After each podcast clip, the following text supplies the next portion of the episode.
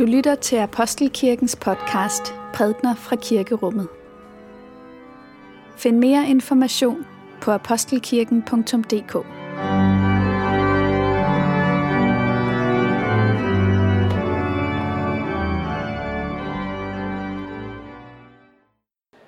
Godmorgen og velmødt til gudstjeneste her i Apostelkirken på denne Sexagesima søndag.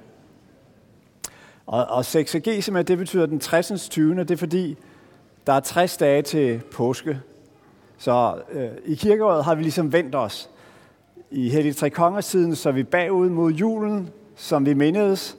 Og, og nu vender vi os og ser frem øh, mod påsken som den store højtid, der ligger foran os, og som altså er 60 dage forude øh, på denne søndag.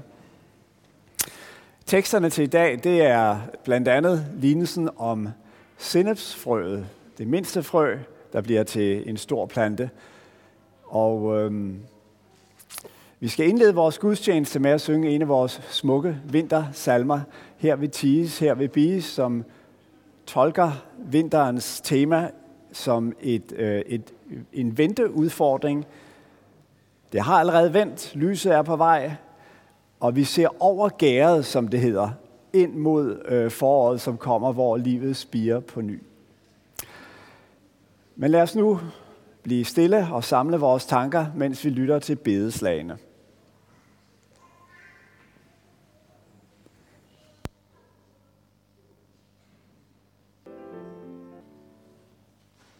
Vores skaber og far, tak fordi du i Kristus så ordet om dit rige på vores stenede jord. Vi sanser mest af alt, hvad der slår fejl, men du ser dit rige vokse frem til en rig høst. Lad os at se med dine øjne, så vi kan se, hvor mulighederne ligger i frø, hvor det spiger og gror, og hvor dit rige allerede rejser sig i denne verden.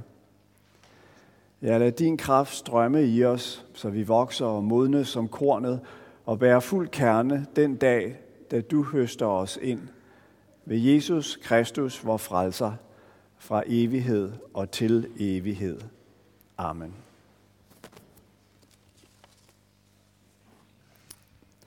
Denne hellige lektie skrives hos profeten Esajas. Dette siger Herren. Jeg er Herren, der er ingen anden. Der er ingen anden Gud end mig. Jeg væbner mig, jeg væbner dig, skønt du ikke kender mig, for at de skal vide i øst og vest, at der ikke er nogen anden end mig. Jeg er Herren, der er ingen anden. Jeg danner lys og skaber mørke. Jeg frembringer fred og skaber ulykke. Jeg, Herren, frembringer alt dette. Lad det drøbe fra oven himmel. Lad retfærdighed strømme ned fra skyerne. Jorden skal åbne sig, frelsen gro frem og retfærd skal spire. Jeg, Herren, skaber dette. Ved den, der anklager ham, der dannede ham, et potteskår blandt skår af ler, kan leret sige til ham, der former det, hvad er det, du laver? Kan dit værk sige, han har ingen hænder. Ved den, der siger til sin far, hvad er det, du avler? Og til kvinden, hvad er det, du føder? Det, der siger Herren, Israels hellige, som dannede det, Kræver I mig til regnskab for mine sønder? Giver I mig besked om mine hænders værk? Det er mig, der har frembragt jorden og skabt menneskene på den. Mine hænder har spændt himlen ud, og jeg befaler over dens her. Amen. Vi læser fra Markus evangeliet, kapitel 4. Og han sagde, med Guds rige er det ligesom med en mand, der har tilsået jorden. Han sover og står op nat og dag. Og kornet spiger og vokser, uden at han ved hvordan. Af sig selv giver jorden afgrøde. Først strå, så aks, så fuld kerne i akset. Men når kornet er modent, går han straks i gang med sejlen for høsten er inde. Og han sagde, hvad skal vi sammenligne Guds rige med? Hvilken lignelse skal vi bruge om det? Det er ligesom et sennepsfrø. Når det kommer i jorden, er det mindre end alle andre frø på jorden. Men når det er sået, vokser det op og bliver større end alle andre planter og for store grene, så himlens fugle kan bygge rede i det skygge.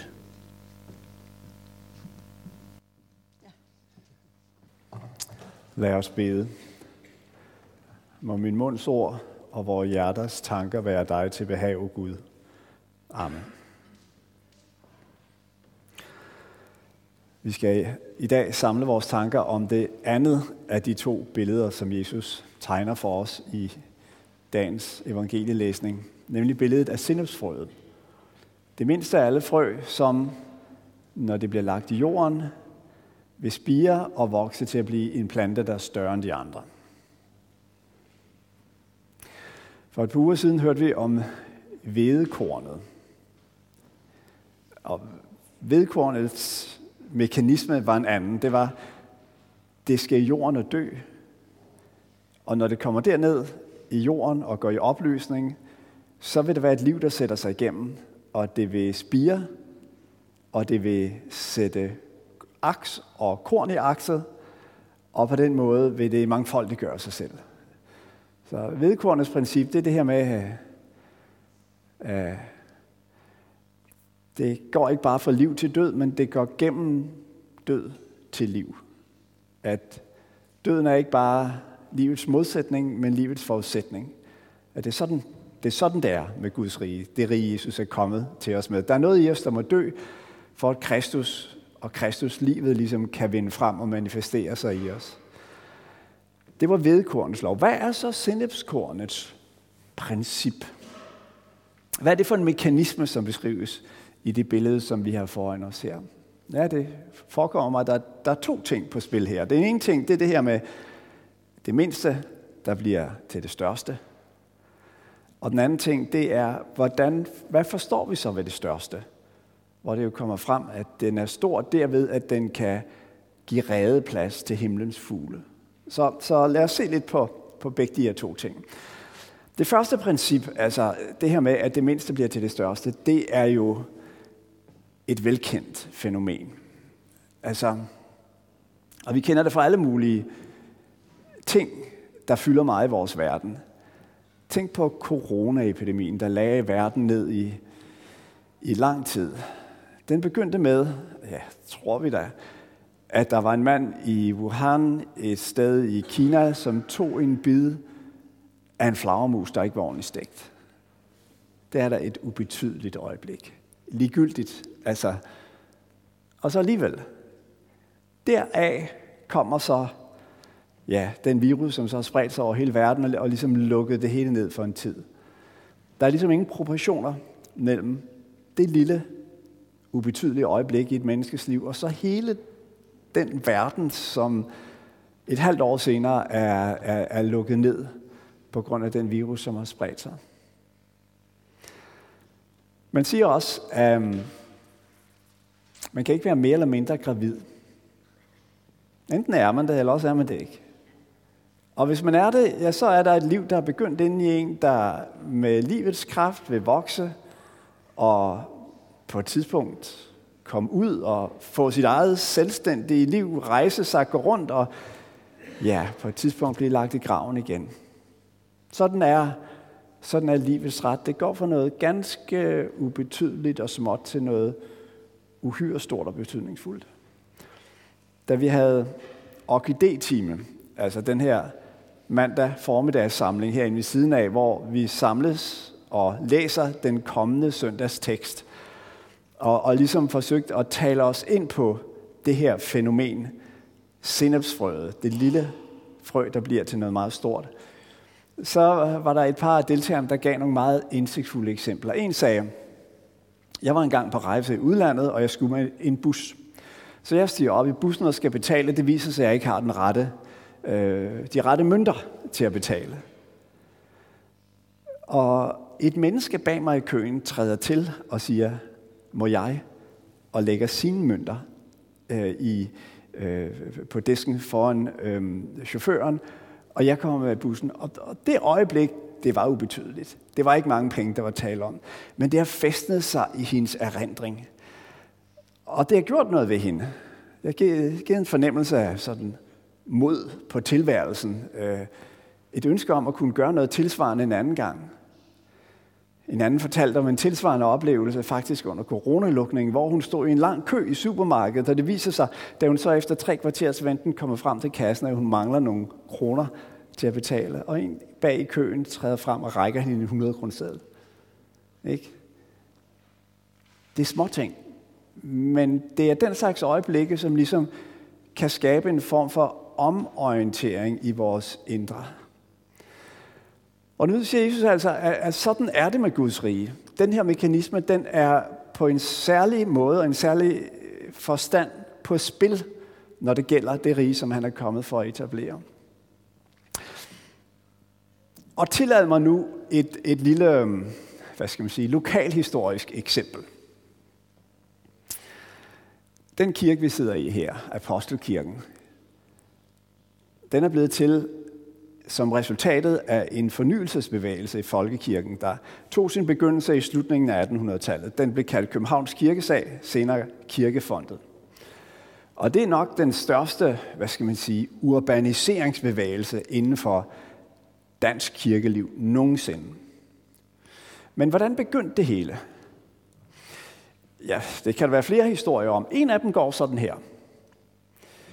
En af de betydeligste personer i den her bevægelse, han hed Harald Vestergaard. Han var professor i statskundskab. Det var ham, der indførte socialstatistikken i Danmark. Der står en byste om ham inde ved Københavns Universitet. En meget dygtig øh, videnskabsmand. Som ungt menneske er han på studierejse i England. Hans far var også professor på Københavns Universitet. Han kom fra den, hvad skal man sige, øh, det kulturlag, som var meget præget af det moderne gennembrud. Altså hvor man ligesom skulle kunne tænke tilværelsen uden Gud.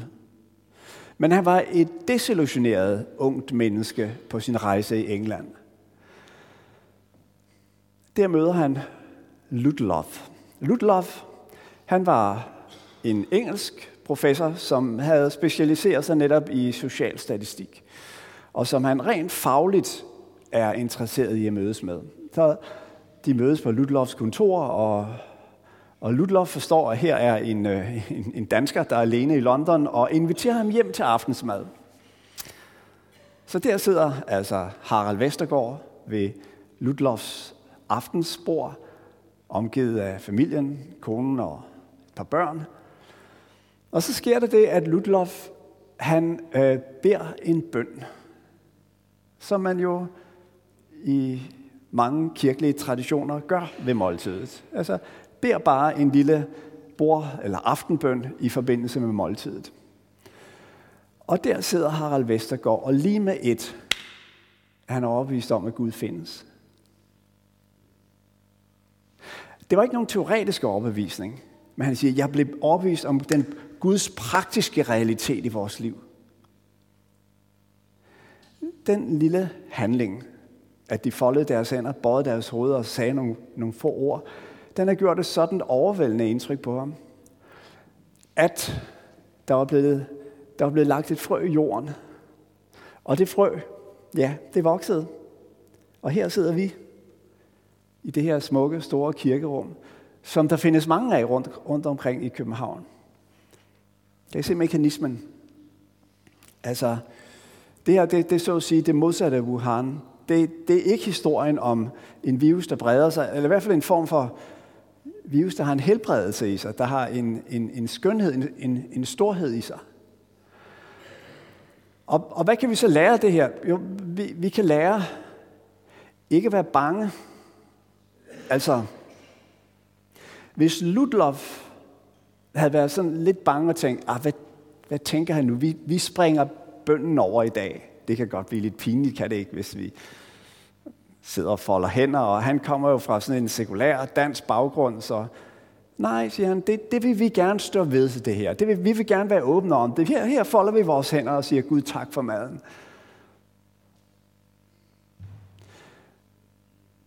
Så vi skal lære frimodighed omkring vores tro. Vi skal lære ikke at gemme den. For den har en kraft i sig, der kan forplante sig, og som af skjulte underjordiske veje kan vokse og på et tidspunkt bryde igennem jordlaget og, og vise sig i al sin styrke og vælde.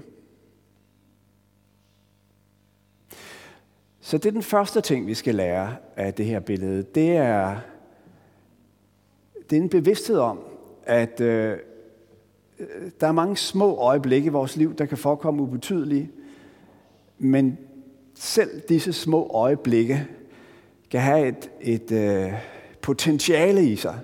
Og hvis vi står ved hvor det håb, som Kristus har lagt i vores hjerter, så, er der, så kan det forplante sig, og det kan øh, bryde igennem på tider og steder, som vi, vi slet ikke har, kan, kan drømme om. Men den anden ting, som ligger i det her billede, og som i, i grunden er lidt overraskende, det er så, hvis jeg så spørger en, hvad for en storhed er der tale om? Ikke? Altså, der siges jo, at, at sinapsplanten bliver større end alle andre planter. Ja, det ved jeg ikke lige. Sinapsplanten er vel sådan en etårig urt, er det ikke? Det er jo ikke, det er jo ikke et egetræ. Altså, forestil dig, at Jesus havde taget et æren og holdt det op i hånden og sagt, se her, prøv at se det her lille æren, og så se det der egetræ. Altså, stille ud i Kongelunden, eller i, øh, hvad hedder det, Nordskoven, og se kongeegen, ikke også? Tilbage fra vikingetiden, og det står der og dominerer sådan et, et, et område med sit, uh, sin kolossale krone. Og man tænker, hold det op, så stort, så længe. Sådan er det slet ikke med sindesplanten. Hvad er det for en storhed, der er i sindhedsplanten så? Ja, den måles ifølge Jesus beskrivelse på, at den giver redeplads for himlens fugle. Ikke? I, øh, i, i øh, ly af sennepsplantens grene kan fuglen bygge rede, og dermed ligesom skabe et, øh, et helle, et trygt sted for sine unger. Nå, det her med sennepsplanten, det har altså en særlig historie ved sig. Det er sådan, siger specialisterne, at øh, på Jesus tid faktisk blev regnet for et stykke ukrudt.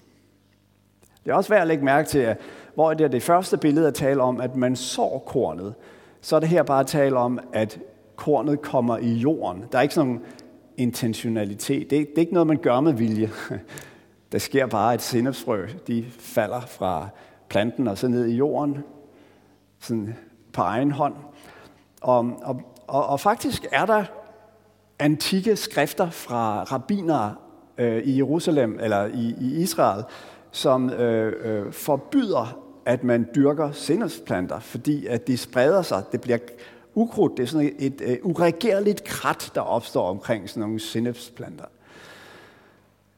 Ja, så det er jo, det tilføjer jo lidt til billedet. Det, det er faktisk ikke øh, en bøgeskov, vi går ind i, når vi taler om sindesplanter. Det er sådan lidt mere kratagtig bevoksning, som, som har det her i sig, at den, øh, den breder sig. Men det, som Jesus altså særligt fremhæver ved den her form for plante ved sindesplanten, det er, at den giver redeplads for himlens fugle. Og vi ved jo, hvordan himlens fugle omtales af Jesus. Det er sådan de sårbare eksistenser. Det er dem, der ikke samler i lade, som lever en dag i gangen. Øh, her kan det bygge rede i en, en mark, et krat, så at sige. Der kan, der kan de finde den skygge, de har, de har brug for. Og hvad, hvad ligger der så i det her billede? Altså, har du prøvet at være til en reception, hvor man kommer ind, og man sådan flakser lidt omkring, og ved ikke helt, hvad man skal snakke med? En masse folk i fint tøj, og, og en form for højstemthed, men man kan ikke ligesom finde ud af, hvor man hører til, hvem man skal hen, gå, hen, gå hen til. Og så lige med så ser man et menneske, og man fornemmer, at det der menneske, der er en eller anden form for, hvad skal vi sige, rummelighed. Der kan jeg gå hen. Der, der, der vil jeg ikke ligesom øh, øh, øh, blive udstillet, eller kan til regnskab for et eller andet. Der. Det er et godt sted at være. Der har vi effekten lidt. Et sted, hvor man kan slå sig ned, hvor man kan øh, bygge rede.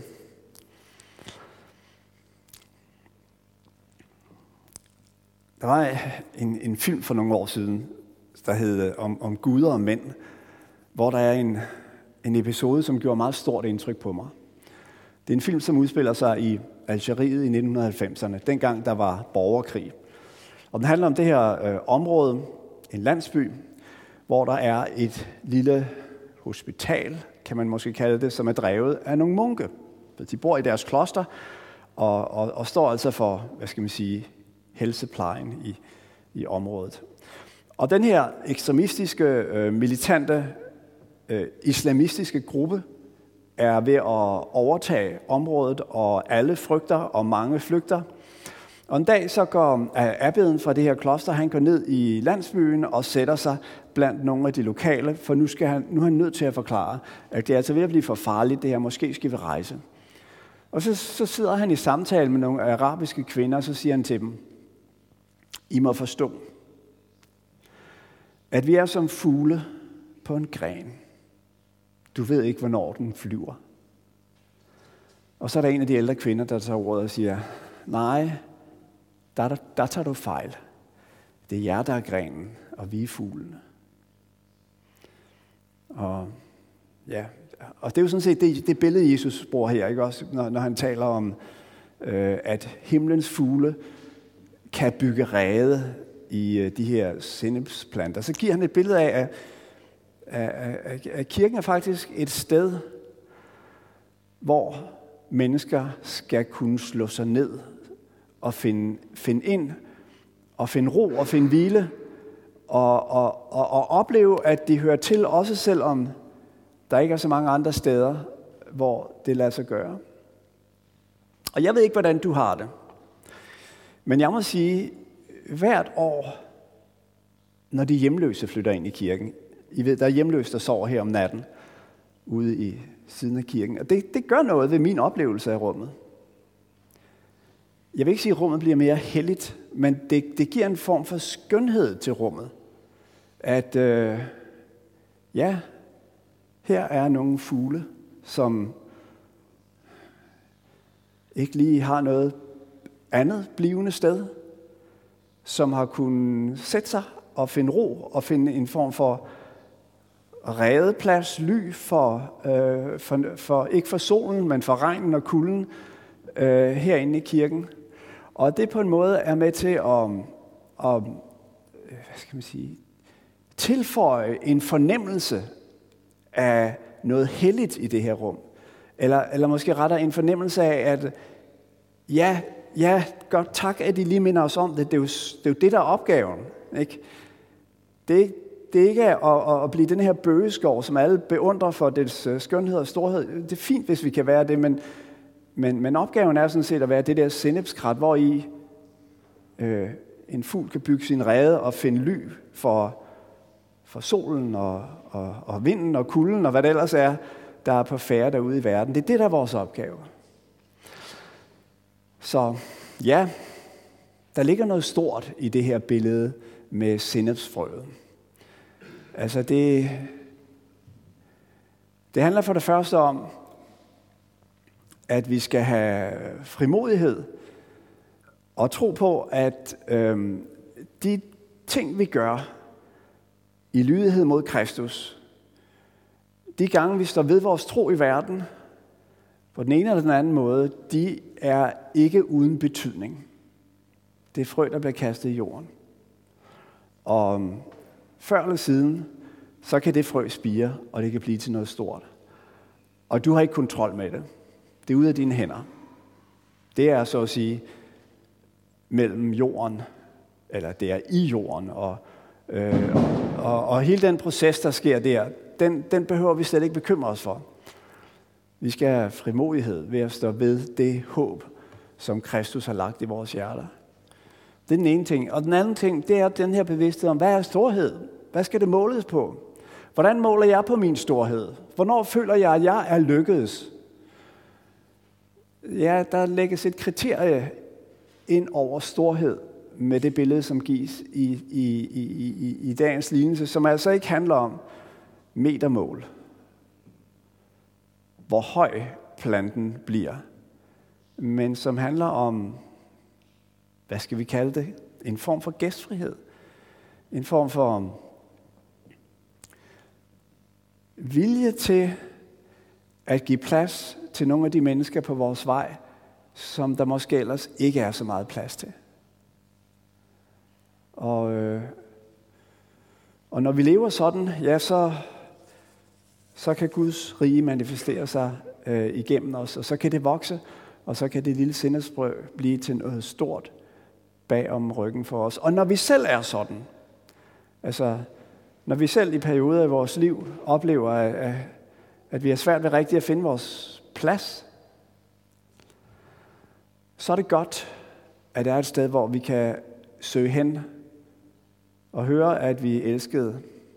Det er ikke på grund af det, vi har udrettet, men på grund af den Gud, som har skabt os, og på grund af Kristus, som har givet sit liv for os. Lov og tak og evig ære være dig, vor Gud, Fader, Søn og Helligånd. Du som var og er og bliver en sand treenig Gud, højlået fra første begyndelse, nu og i al evighed. Amen.